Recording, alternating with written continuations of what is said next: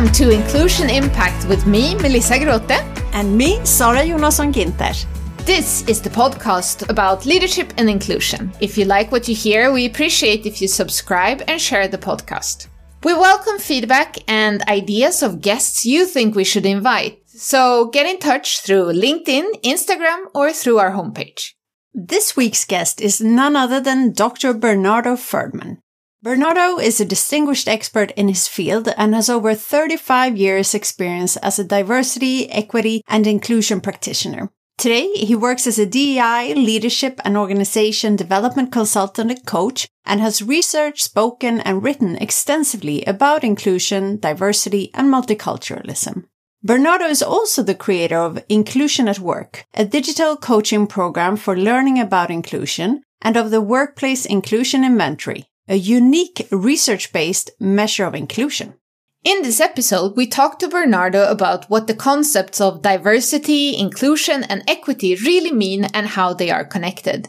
We talk about how leaders need to spend more time focusing on individuals, but also recognizing the structural and social inequalities that impact the dynamics in the workplace.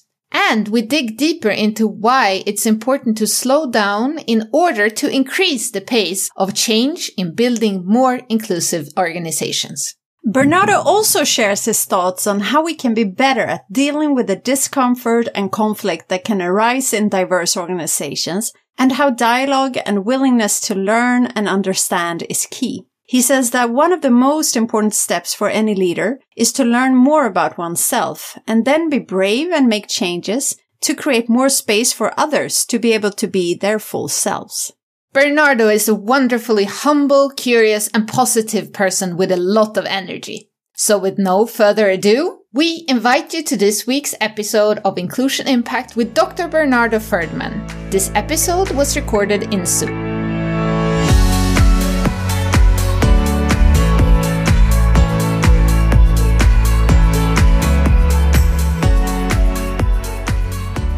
Bernardo, a very warm welcome to the podcast. You're our very first international guest, and we're very excited about that. And for you, it's uh, obviously morning in California while it's 8 p.m. here in Stockholm, Sweden. How do you feel about being here with us today? I'm thrilled. I'm so happy to be with you. Thrilled to be, as you call it, your first international guest. Hopefully, I'll speak clearly enough that people can understand me. And, you know, I work a lot on this long distance kind of thing and in Zoom so this is life these days so but i'm yeah. thrilled about your energy and i love the name of your podcast so i think it's that's what it's about it's about the impact of inclusion so i'm really thrilled to be here because that's what i'm passionate about wonderful Great. We always start our interviews with uh, getting to know our guests a little bit more and introducing them to our listeners. So, could you please tell us a bit more about yourself and also what you're doing today? Of course. I'm, as you mentioned, I'm in San Diego, California. I've lived here since uh, 1993, about 28 years and a half.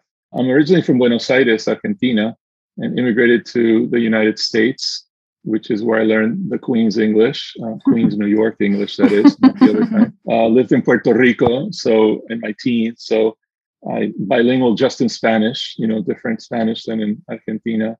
And so that experience in my life and, and what that was like influenced me to be really interested in, in kind of those boundary crossings, uh, bridging cultures and, and styles and, and, different kinds of ways of doing things. And even within groups, uh, there's a lot of differences. And so that's always been something I'm interested in as well. And so what I do is I work with organizations and their leaders to bring inclusion to life, to support them and bring inclusion to life it's basically strategic diversity, equity, inclusion consulting. I've been doing that my whole career. But three and a half years ago, I, I left academia. I was also a full time professor. And so I left academia to do this full time. And so I really love doing that kind of work. I work at the organizational level, trying to create strategic uh, diversity, equity, inclusion plans and visions doing assessment. I have a workplace inclusion inventory, which is a way to measure inclusion in organizations, as well as an online learning program, Inclusion at Work, to help people learn about inclusion in a deep, reflective way. So that's a big piece of what I do. I've also uh, written a lot. Most recently, I published a book called Inclusive Leadership Transforming Diverse Workplaces, Organizations, and Societies And it brings together 47 authors in 29 chapters to really say, what do we really know about inclusive leadership in a pretty broad and deep sense at the same time. So that's a little bit of what I do. And I'm married to a woman who's also from Argentina, and we have uh, three children. Our youngest just went off to college. So we're getting used to that as well, having the house for ourselves. Although our other son just came back for a little bit because he got a job here in San Diego and is staying with us until he finds his own place. Oh, that's nice. when do you have the most fun at work? fun at work. What a concept, right? um, right? Yeah. having fun right now. This is this kind of thing is fun. I think I, I, guess I don't think about it in terms of fun, but I think enjoying work is is really mm what it's about, right? Where I can really feel authentic, when I can feel like I don't have to be watching every little thing I say, when I can just show up mm as I am and bring my energy, my identity, my power to the whatever is happening together and where I can make a difference right so yeah but I, I, guess i don't always think about it as as fun in the way that people often do as frivolous you know it's really yeah. when it's more serious and engaging and i really can dive deep into a concept and have people engage with me on it to me that's the most enjoyable hmm. especially if it affects their lives and if people get something out of it you know if there's some of positive emotion attached to it, that's even better. Mm. Do you have an example of that kind of situation? Uh, probably many, and and none immediately come to mind. One that comes to mind is you know doing interviews. You know, I often interview people in preparation for workshops or the work we're doing, and I just love holding myself back because I love to talk, but when I'm interviewing, it stops that. I'm just taking notes and listening, and I just get to really hear about something from somebody else's perspective and and that's so cool you know to really be able to create that space where I can start to get insight into somebody else's point of view, experience, life. Yeah. So that, you know, I did a few of those last week and I think that was that was great. Great. That actually leads into the next question. What has been the highlight of the past week? Now you were mentioning something, but maybe you have some other things. You know, I was actually thinking about this a little, and what came to mind was I mentioned that my youngest is off to college, you know, far from us and we took him there two weeks ago and just speaking to him a little bit not much you know he's off having fun and learning new things but when we did speak to him a couple few times just seeing him almost like an adult you know suddenly not that he he probably doesn't feel the difference mm-hmm. you know this is something he's yeah. been thinking about but what it, it made me think about was well number one just the, the amazing feeling of seeing one's child be mature and enjoying himself and really moving to that next stage in such a wonderful way. I mean, he's mm. very happy with what he's doing and how it's going. And that's just amazing, right? Mm-hmm. But also, just it made me think about how we sometimes make assumptions about the people in our lives, right? Especially those closest to us. We think we know them, we tell their story, and sometimes stepping back and seeing them in a new light, like I did for him, kind of brings out some of their strengths, some of their passions in a whole different way, you know. And it made me think about how the environment that we're in makes a difference, right? You know, connecting this to the workplace. Mm. You know, how the the relationships we have often will make attributions about someone as if it's just in them, but we forget to look at what our influence on that person is. And it just mm. came, it was really highlighted for me watching our son, you know, flourish as, you know, out of the house in the way that he's doing. Well, that's beautiful. And our final sort of get to know you a bit better question is looking ahead. Is there anything that you'd want to learn more about or maybe a, a, keen interest you'd want to develop or invest more time in? Yeah, that's a tough question because on the one hand, you know, I have all these books that I've collected throughout my career. You know, I have all, like hundreds in the garage, a whole bunch right next to me here in my my office and I look at them and think, I just want to sit and read them all, right? Because I haven't read them all or not enough, or even the ones I read, it was long a while ago for many of them. So I think it's just, you know, I've always wanted to learn about everything. But the other side of me thinks I want to do less. You know, I want to maybe learn how to not try to do something all the time and just be able to sit and take things in without feeling like having to accomplish something in right. that particular moment. So mm-hmm. I think that's something I want to learn more about. You know, I've never really meditated in any serious way, but there's something about that process of just allowing yourself to do nothing that I'm not particularly good at. I'm always mm. trying, you know, we're always trying to, I mean, I see this in others, so that's why I say we, but, you know, we have to pick up our phone and, and look at something or read something. Yeah. And so I think that's where my learning is how to be at peace with what's going on for me, the extent of impact that I do have, and, you know, maybe not necessarily be ambitious to take everything on all the time. Good. mm. Yeah, no, I, I think you're right saying we, that that's something that a lot of people, I don't know if struggling with is the right word, but it's hard to find that balance. Yeah. Well, I, mm-hmm. you know, I've found that I mentioned that I've been on my own for about three and a half years. And in the last year, work has exploded in many ways, you know, in part due to not good reasons, right? I mean, the world has awakened to racial injustice and how terrible it truly is. I mean, it's not new, but a lot more people are more acutely aware since George Floyd was murdered and Breonna Taylor in Louisville and many others. And it's been much more um, visible for the world, right? Yeah. Especially mm-hmm. for white people or people in dominant groups than they had paid attention to. Yeah. Yeah. And so work has exploded. And so for me, it's been sometimes a, a, matter of just putting some boundaries and being able to say, okay, this is what I can do, this is what I want to do, and actually working a little less, not you know a reasonable amount. Instead of working sixty hours in a week, you know, saying, well, forty is probably enough, you know. Yeah. And I did what I could, and I'll just do the rest tomorrow or the next day. So being able to stop and take a break, right? So that's mm-hmm. part of the same thing, right? So if the yeah. phone helps with that, fine, but it depends what we're doing on it, right? Like yeah. not answering emails at 11 p.m.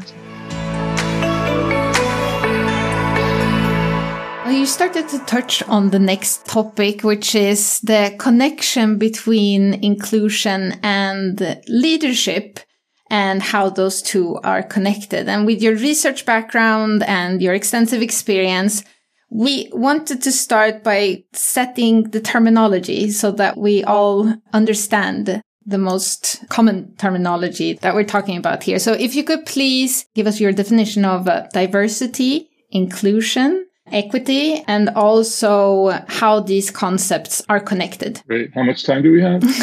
uh, yes, I'll, I'll, try to do that briefly anyway. I think these are complex concepts. On the one hand, they're simple. On the other hand, they could be somewhat complex, especially mm-hmm. equity uh, and multifaceted for sure. So, first of all, diversity. And I like that you're differentiating it, by the way. You know, uh, I was part of a conversation last week where one of the things that came up is the problem of saying DEI you know it kind of hmm. treats mm-hmm. it as a singular noun and i don't think it is you know i mean it's awkward to say d-i-r but sometimes i'll expand because they are different concepts and they all matter in one way or another so diversity for me is is about counting differences it's about asking like who is here right and, and understanding the composition of a particular collective whether it's a group an organization a society and it's important to, to note that diversity is not a feature of an individual. There's no such thing as a diverse person, in spite of the way many people use the term. I think I cringe, you know, I, I have a problem when people say that mm. because, and I'm being more vocal about it these days, because it kind of makes it as if diversity is only a quality of certain people and not others. Diversity is something we can all contribute to.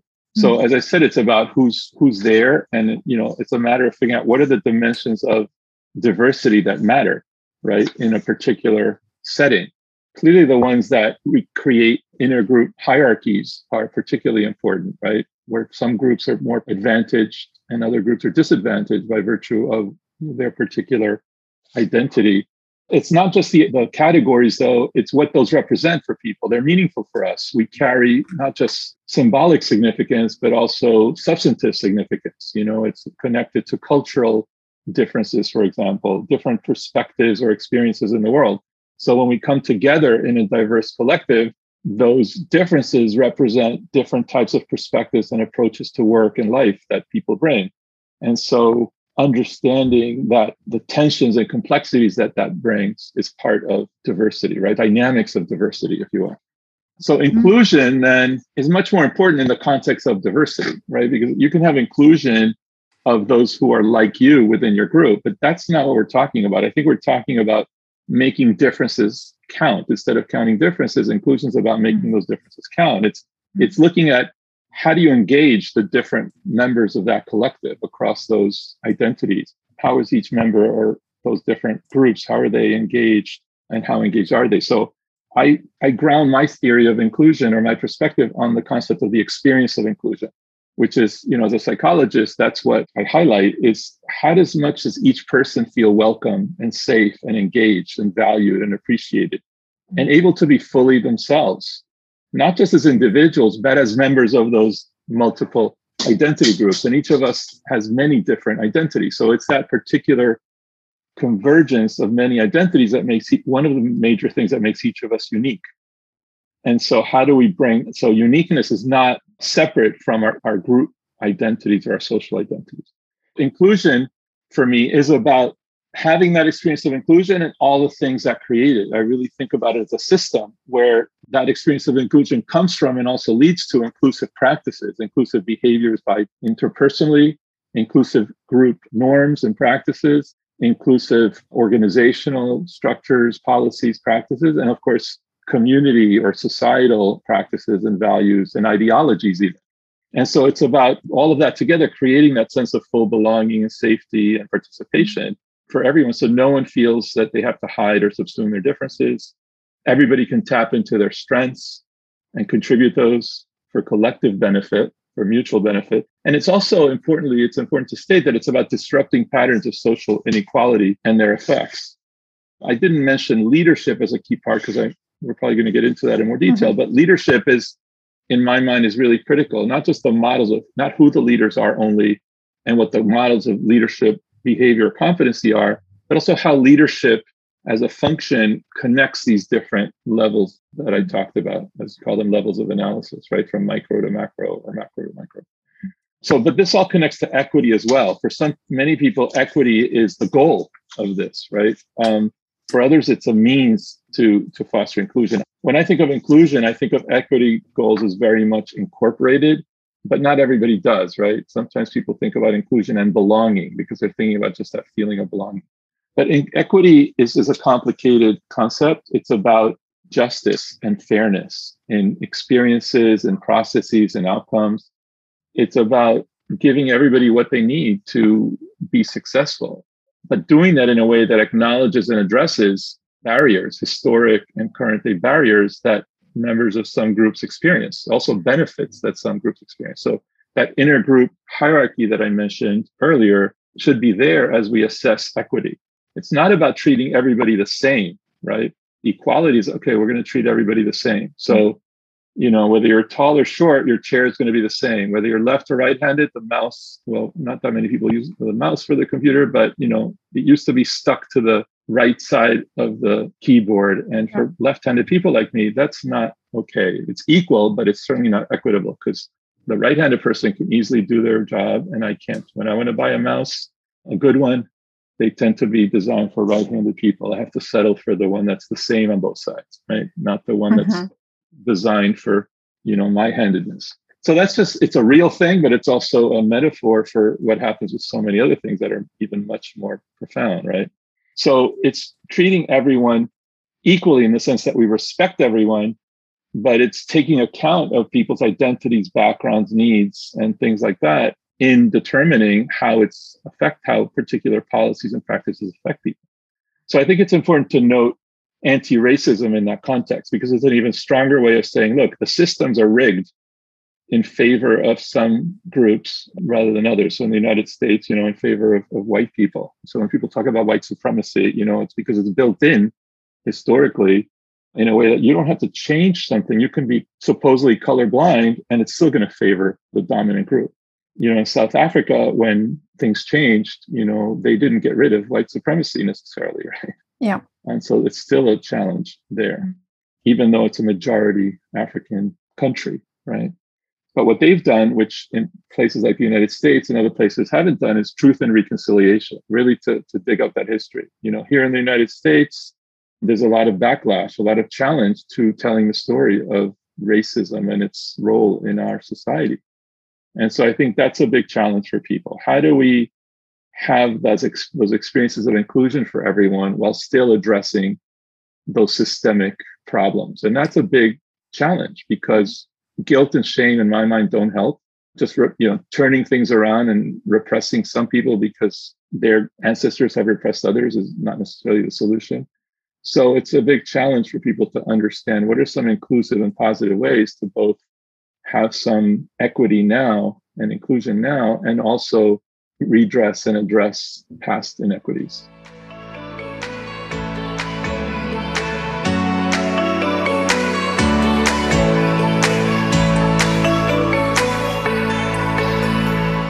it's clear and uh, very interesting to kind of set the stage with those concepts. I'm curious though as well, because so many organizations talk about diversity, inclusion, equity, etc. But are there misunderstandings connected to these concepts that maybe stand in the way of achieving real progress? Yeah, that's a great question. I think so. One of them is is understanding that there's those different layers, right? This idea that on the one hand, it's about yes, seeing each other, hearing each other as we are, you know, giving people autonomy and agency in determining our own identities, the way we show up, and creating spaces where more of us can show up authentically and really bring our full value and power to our collective endeavors, right? In a way that's mutually beneficial. Yeah. But that doesn't take away what I said before, which is some of the historical things that privilege some over others, right? So if as a man I tend to interrupt people, you know, I was joking earlier that uh, you know I don't give enough pauses in my, my conversation with my wife, right? Well, that's not just a personal thing; that's a gender thing, right? So how do I deal with that? It's very hard for me as a man, right? Yeah. Because mm. I don't want to just be quiet. I want I want her to have more voice, but I don't want to be quiet. Mm. So how do we do that, right? Yeah. It's very hard. People feel a sense of loss when their privilege is challenged. Mm. So now they think, okay, now I'm less, this is, I'm losing and you're gaining. And, but no, maybe we're just trying to rebalance, right? So I think that's a challenge is that sense of loss of power that gets in the way when people interpret it at the individual level instead of realizing that it actually benefits all of us when when more people have more power it's actually to everyone's benefit but in individual cases it doesn't always feel like that Right. Also, people make it either or. You know, they think, in, like I said earlier, they'll say diverse people, and then they think, well, that's not for me. Well, even the question, you know, what are the benefits of diversity, like from a business perspective? I think it's important to understand that. And there's a lot of benefits as we learn from experience and research. But if you only think about that, then that cheapens the question in a way. I mean, it's really a, a lot of it is about justice and it's about yeah. doing what's right. It's mm-hmm. about like in terms of gender inclusion, for example, why would we waste the resources of half of the population?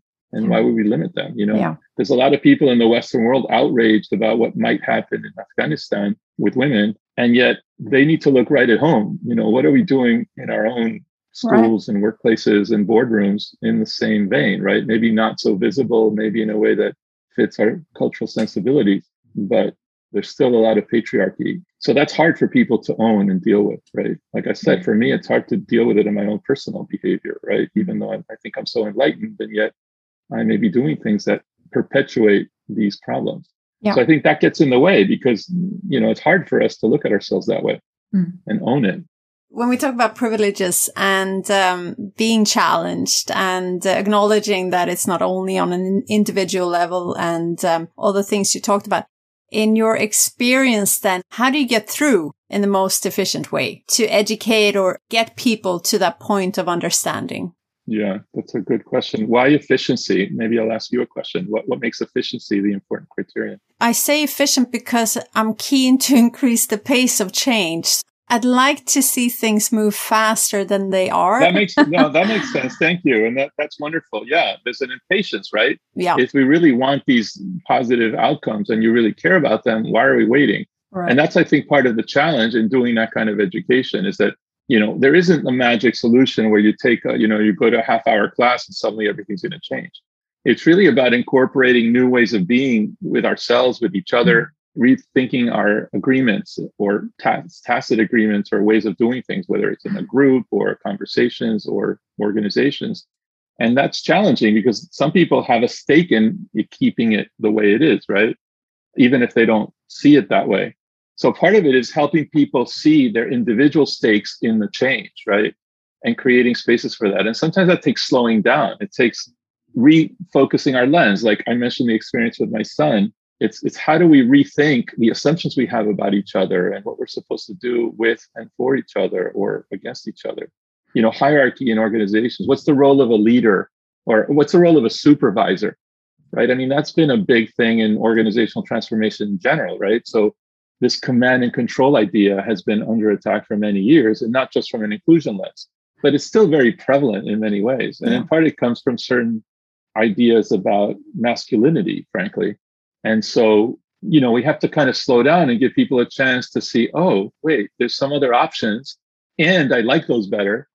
You know, hearing each other, slowing down to actually hear each other. You know, now in the Zoom world, how often do we have a chance to just stop and say, hey, how are you? Who are you? What's right. happening with you? You know, we know less about each other. On the other hand, it gives us an opportunity if we rethink the way we meet to create check-ins or a space to come together and ask, yeah. okay, what's going on for you? Crossing that threshold from outside the meeting to inside. Yeah. So I think one way to do it is to make it connected to people's actual lives and interests, right? Just lectures, I don't think are all that helpful. Another thing I think is important is not to focus simply on anti-bias training. You know, a lot of organizations and groups think, okay, let's just train everyone on bias and that'll take care of it. Well, guess what? If I know that I have unconscious bias, but it's, it's truly unconscious, how do I do something with it? We have to change our behaviors, our structures. And so we really need to think about what would replace it and give people a chance to understand that, to value that, and to practice doing that. And that's why I focus on inclusion, not because I don't think bias is real, it's very real, but it's really more that if we focus on inclusion, we're going to take care of it through that process. And then put in guardrails and things that will test whether it's really, you know, what we want. But I think it's really about creating that space and time for people to really engage in self-reflection, to speak together and recreate the way they come together. So if right. you work with teams, right, especially leadership teams, it's good to have the team that is together, you know, intact teams work together so they can reflect on their own process. You know, maybe right. getting some data. Sometimes I'll give people, you know, I'm working with a board next week and we had them do the the board version of the workplace inclusion inventory. And we're going to be able to talk about sort of how they work, not just what they do. And I think that's part of the key is creating yeah. that space for that. Yeah. So it's sometimes slowing down to speed up, right? To be able to work better together, to really see each other in a more full way, to step back and realize that we haven't been seeing each other fully. We need to let people create their own stories and tell those and be heard, and mm-hmm. then see what we can create from that together. Yeah. Mm-hmm. Yeah, this is so interesting. And also what you're talking about when it comes down to the individual and to change and how difficult that is. I hear that there are so many different steps that you just have to go through within yourself also to understand, to listen, to acknowledge, and to self reflect, like what you're saying. Absolutely. And then you have mm. to test it out with different people, right? So it's, mm. you know, trying out new behaviors, inclusive behaviors, what I would call inclusive behavior, mm. and finding ways to get feedback, whether it's direct or paying attention. How is it landing on people? Is it making a difference? Are you having new insights? Mm. Are you hearing people in a new way? Are you seeing different things about them? Mm. And that takes some time, right? And it takes a chance, you know, you need the opportunity to come together in in a brave space. Mm. You know, people talk about safe spaces, I guess safe enough anyway, where people can feel more vulnerable and authentic, right? Mm. And more fully human, right? Or we're not shutting out parts of ourselves at work. Hmm. And we can test our assumptions about what you're supposed to do. You know, like there's this whole idea of professional, but what does that word even mean? Mm. Know, so culturally related. And I'm not of, in favor of just creating some other structure, you know, that is rigid either. You know, sometimes people talk about Western values or this or that. And, you know, I think there's a, a mix of everything everywhere, really. And so the challenge is how do we acknowledge oppression and repression of certain identities and cultures mm. and things like that, but also understand that everybody's influencing everybody on some level. And how do we allow for that in a positive way that doesn't squelch people's valued identities, right? Mm. That allows for some authenticity and ownership. Again, this sounds abstract, but it really boils down to how do we approach each other? How do we make space for each other? How do we create spaces, especially if you're talking about the workplace, where everyone can bring their strengths and contributions to the table in a way that doesn't feel like they're constantly watching their back and you know always anxious or nervous i mean a lot of people are just stressed out at mm-hmm. work because what if i don't do the right thing and i get dinged or i get a low performance review how do we keep us striving for excellence but also allow people to have that freedom of action freedom to learn freedom to to experiment and to, to learn together, right? To make something better together. And that's it's not easy. I don't have the solution to that mm-hmm. one, but it's about holding those things and and putting the problem back on people and allowing them to find ways together to figure it out.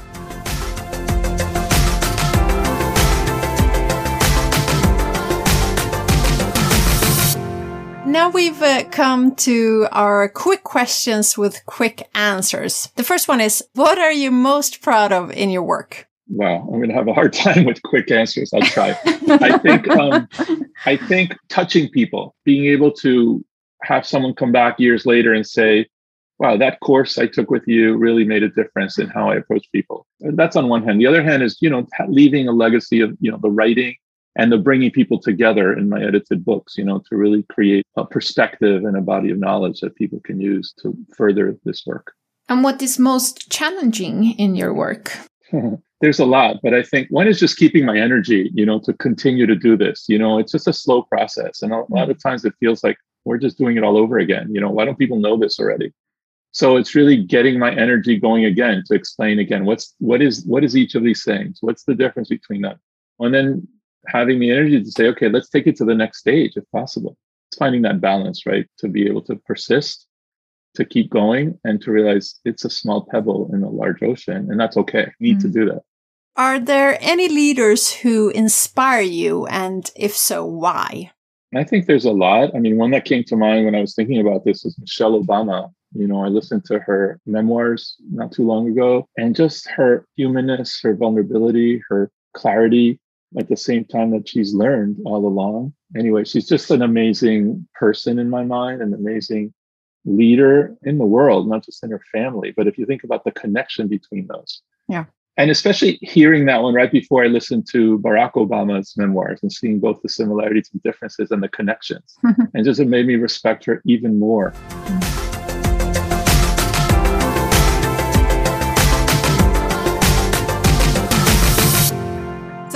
Touched a bit on leaders and leadership and the role of leaders when it comes to inclusion. Could we explore that a bit further? What is the link between inclusion and leadership and leaders' roles? Yeah, I mean, first of all, let me say that I think leadership can come from everyone. It's not, you know, a function that you say, okay, you're now a leader, right?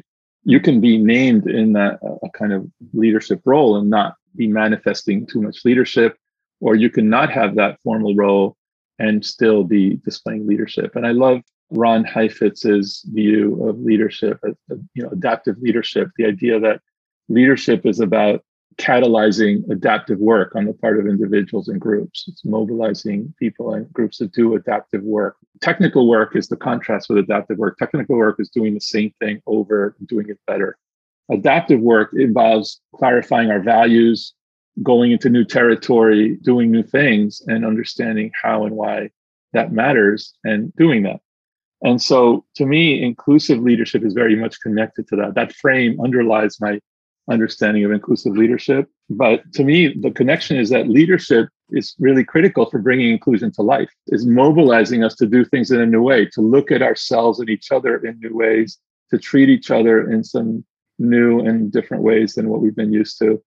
I think people know how to do inclusion often for people who are similar to them. And so, how do we learn from that and extend that to those who are different? And it feels very different.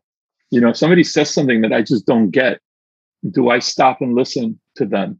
Do I find out, okay, I don't get it. And it's still important for me to let you be who you are and speak your piece and be yourself. Because in the end, even if I don't know where it's going, it's going to be better for all of us that takes some leadership it takes some courage it takes some vulnerability. And so leadership involves modeling that putting it out there right? So if you think about leadership as you know center for creative leadership describes leadership as direction alignment and commitment. But they've been revising that view to incorporate equity diversity inclusion. I think part of it is like where do contributions come from? Who is directing inclusive leadership is about engaging and facilitating ideas and contributions and direction as well from all types of people really expanding the model of, of, who is contributing and how and who's directing. But it's also about promoting and facilitating experiences of inclusion. So if you create space for people to show up as we are to be ourselves to be able to be more authentic and and less guarded then more of us can bring our strength to our collective work, right? And it'll be better for everyone, presumably, right? The mm-hmm. challenge is that there's going to be conflict, there's going to be discomfort. And so it's also about holding the space for that discomfort. It's helping to lift up and sustain norms and ways of being together that allow for that discomfort. Because the more we speak to difference, the more we express it, it's harder, not easier. And sometimes that's a misunderstanding of inclusion that, oh, we're going to hold hands and sing kumbaya. No, we're not. Mm. We're actually going to have a tougher time mm. in some ways. But it's going to be better for all of us if we learn how to do that well. So it's really about supporting developing groups and organizations where we see diversity as a source of collective advantage. And the last part for me is important because it's about inclusive leadership is also about advancing equity and social justice. So I think sometimes speaking the truth, being able to say uncomfortable things, really holding up those values. You know, if you think about organizational values, part of leadership's role is to speak about those, to make those real every day. And I think that's not just true about inclusion, it's true about everything. But inclusive leadership is able to make that connection. Mm-hmm. Ultimately, leadership is about bringing the best out of everyone and doing the best together. And to me, that's part of what inclusion is about. So to me, they're intimately connected. As you've been saying, that inclusion is so easy in so many ways, but we've been talking a lot about now, it's also complexity behind it. From our experience with some leaders that we talk to, that they, they get a bit paralyzed by this, that they don't really know where to start. So what would be your advice how to approach to become more inclusive as a leader? What would be the best way to approach it and think about it? Yeah, I think one is to maybe not start big and, you know, start small in the sense of uh, start with what's right there. Try to hear one person just a little bit more and, and have a little more patience for someone who annoys you or who you think doesn't get it and hmm. just try to put aside your own feeling or notice it and own your own feeling about it and make it yours and don't make an attribution about them and just start looking at them in a different way maybe. Listen a little bit more to people maybe you weren't inclined to listen to so much learn more about yourself. Be self-aware not just about your own styles but about your own story. And be willing to talk about it but first be curious about that of others right? So share more and listen more about other people's lives and stories. Not in a way that is voyeuristic or that exploitative right? But in a way that's genuine that really sees other people as human beings and sees yourself as a human being not just a cog in the machine. I think also having conversations, asking people if you're a manager, asking people, when do you do your best work? Tell me, when was a time when you felt like you could really do your best at work and you felt like you could really flourish? And learning from that, understanding, okay, great. So how, when does that ever happen with us? Are there ways we could do it more? You know, having those conversations, doing it in a group, in a group talking about how to work, not just what you do, exploring assumptions. And this time when we're quickly changing from virtual to hybrid to virtual to some mix, you know, it's a great opportunity to really be rethinking some of these norms and styles, right?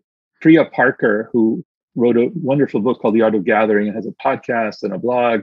She's been writing about this. You know, how do we use this time to go back to really rethink our assumptions about meetings or gatherings? But I mm-hmm. think it goes beyond meetings. It's just in general, right? What what are the ways that we engage? How do we really allow ourselves, you know, to to come as we are in ways that build strength individually and collectively? But it's not about changing everything all of a sudden. It's about really paying attention to small things that often have a big impact. Hmm. You know, understanding how we handle conflict and difference and being able to learn better styles for that to really work through issues rather than just suppress them or let them explode, right? Either one is not good, right?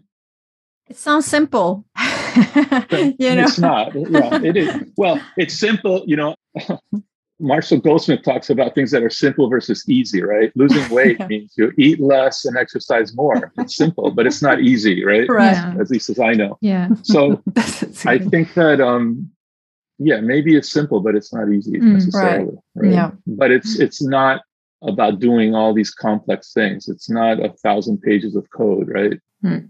And I think what you're saying is very much in line with uh, what our other guests talk about. Most of them are leaders in tech and many of them talk about these again, you know, quote unquote small things or easy things, but doing them regularly and having that genuine interest in, in their employees or colleagues or whatever it may be and taking the time, prioritizing the time as well and wanting to learn. So I think, um, that's what we've heard from from our guests who walk the talk in their everyday lives. Yeah. And also how they have developed the skills around having difficult conversations Right. and addressing conflict in different ways. Yeah, I mean, and that's understanding that then those relationships, that investment, that skill, that practice is very much part of leadership and management, right? Yeah. In tech, it might be, you know, easier for some people who have risen into those positions to think, I just want to get these projects done. I don't want to bother with the human interactions. I mean, that's kind of the stereotype. I don't think that's true of everyone, but I have worked with some people where that's the challenge is how do I really see those interactions as part of the work? I mean, I was a program director for a period in my university. And what I remember is, you know, I had just read this book, Difficult Conversations How to Discuss What Matters Most, which, by the way, is a wonderful book to learn about how to deal with conflict. It's by Patton Stone and Heen. And, you know, it's been around for 20 years, but it's still great. But anyway, I had just read that. And I remember, you know, as a professor, a lot of times just having to have meetings is kind of an annoyance. It's like, wait, I, I just need to do my work. So let's get these meetings over. But what I realized after a few weeks or months of being program director is that when I had meetings all day, that was my work. Right. And so if I could relish that and see that as important and see that as what I accomplished in those as being quite productive, it changed my whole mentality because then I could just really get into it. The other part has to do with what I was saying earlier about what I want to learn more about is how to be present in the moment, right? How do I, how am I with you right now and not thinking about all the other things on my list, right? And really focus on what are we doing together? What are we learning? What are we creating together? And if we can really do that, I think that that would help, right? That's certainly available to tech leaders as well as anyone else, right? It's Mhm. it might be hard. It's simple but hard sometimes because of all the demands. Sure. Because it takes some practice, right? It takes the intention to do it and then the practice of saying, let me do it once, let me do it twice, let me see how it goes. And then if we do it together, it's even better. Yeah. Uh, as long as we don't do it in a rote way, right? So check-ins, it's kind of like a best practice for many of us in inclusion. Like when a group comes together, taking a moment to bring people's voices into the room in some way, or having people pause and reflect on, okay, what do I need to do to let go of the outside and just be fully present? Yeah. But those can become very rote, right? Where you just go around and just say something, but nobody's mind is really on it. Nobody's really hearing what anybody else says, right? So you have to bring life to these practices and really pay attention to it. And that's not so easy either, right? It takes some intentionality, Hmm. it takes attention, it takes learning. Yeah. No, I have experience from good check-ins and then not as good check-ins, just like Don't we all? what you're talking about. Actually, Bernardo, we're now approaching the end of this conversation and it's been so interesting. But could you please give us three top leadership tips on how to become a more inclusive leaders? You were touching a little bit upon doing the small things, but if you would give three top tips, what would that be? I hadn't thought about these in advance, so I hope these make sense. But I think it's some of the things we've been talking about is number one, learn more about yourself, how you come across, how you affect people, and be willing to not just pay attention to that, but make changes that create more space for more people and more differences, not just yours, but those of others.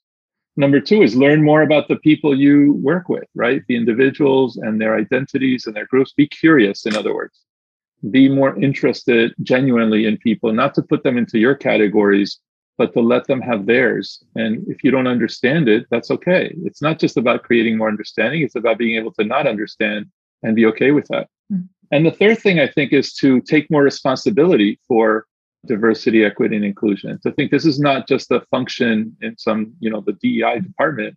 This is everyone's role, particularly if you're in a position of authority and you have to learn about it and speak to it and make connections you know to connect those dots of everyday behavior to the organizational policies and bring forward what needs to be brought forward and vice versa. If there's values around inclusion or equity or diversity in your organization it's your responsibility to make those become to life in your everyday situation. So i think those three things know yourself get to know and be curious about others and take responsibility for inclusion and equity really good advice. And so we also always ask our guests for one thing that our listeners can start doing already today in their everyday lives to become more inclusive.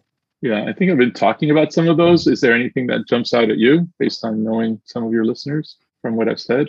For me, I think again, just making the time, taking the time to speak to others and want to understand others. I think having that check in, you know, calling your team member or employee and just asking how they're doing. I think for me, that's something that's come across this kind of small or easy or whatever we want to call it action, but can really have such a big impact. Mm. And I also, to add on that, also to be human, both when it comes to, to leadership and curiosity, but also when it comes to change, that we're all involved in this change, but we're also human beings in that change. Yeah, I love that. I love both of those. And and by the way, I tried to illustrate the first one in particular because I turned it around as a question, right? And I think that's something that people in a leadership position can do right away, which is ask more questions and really listen to the answers.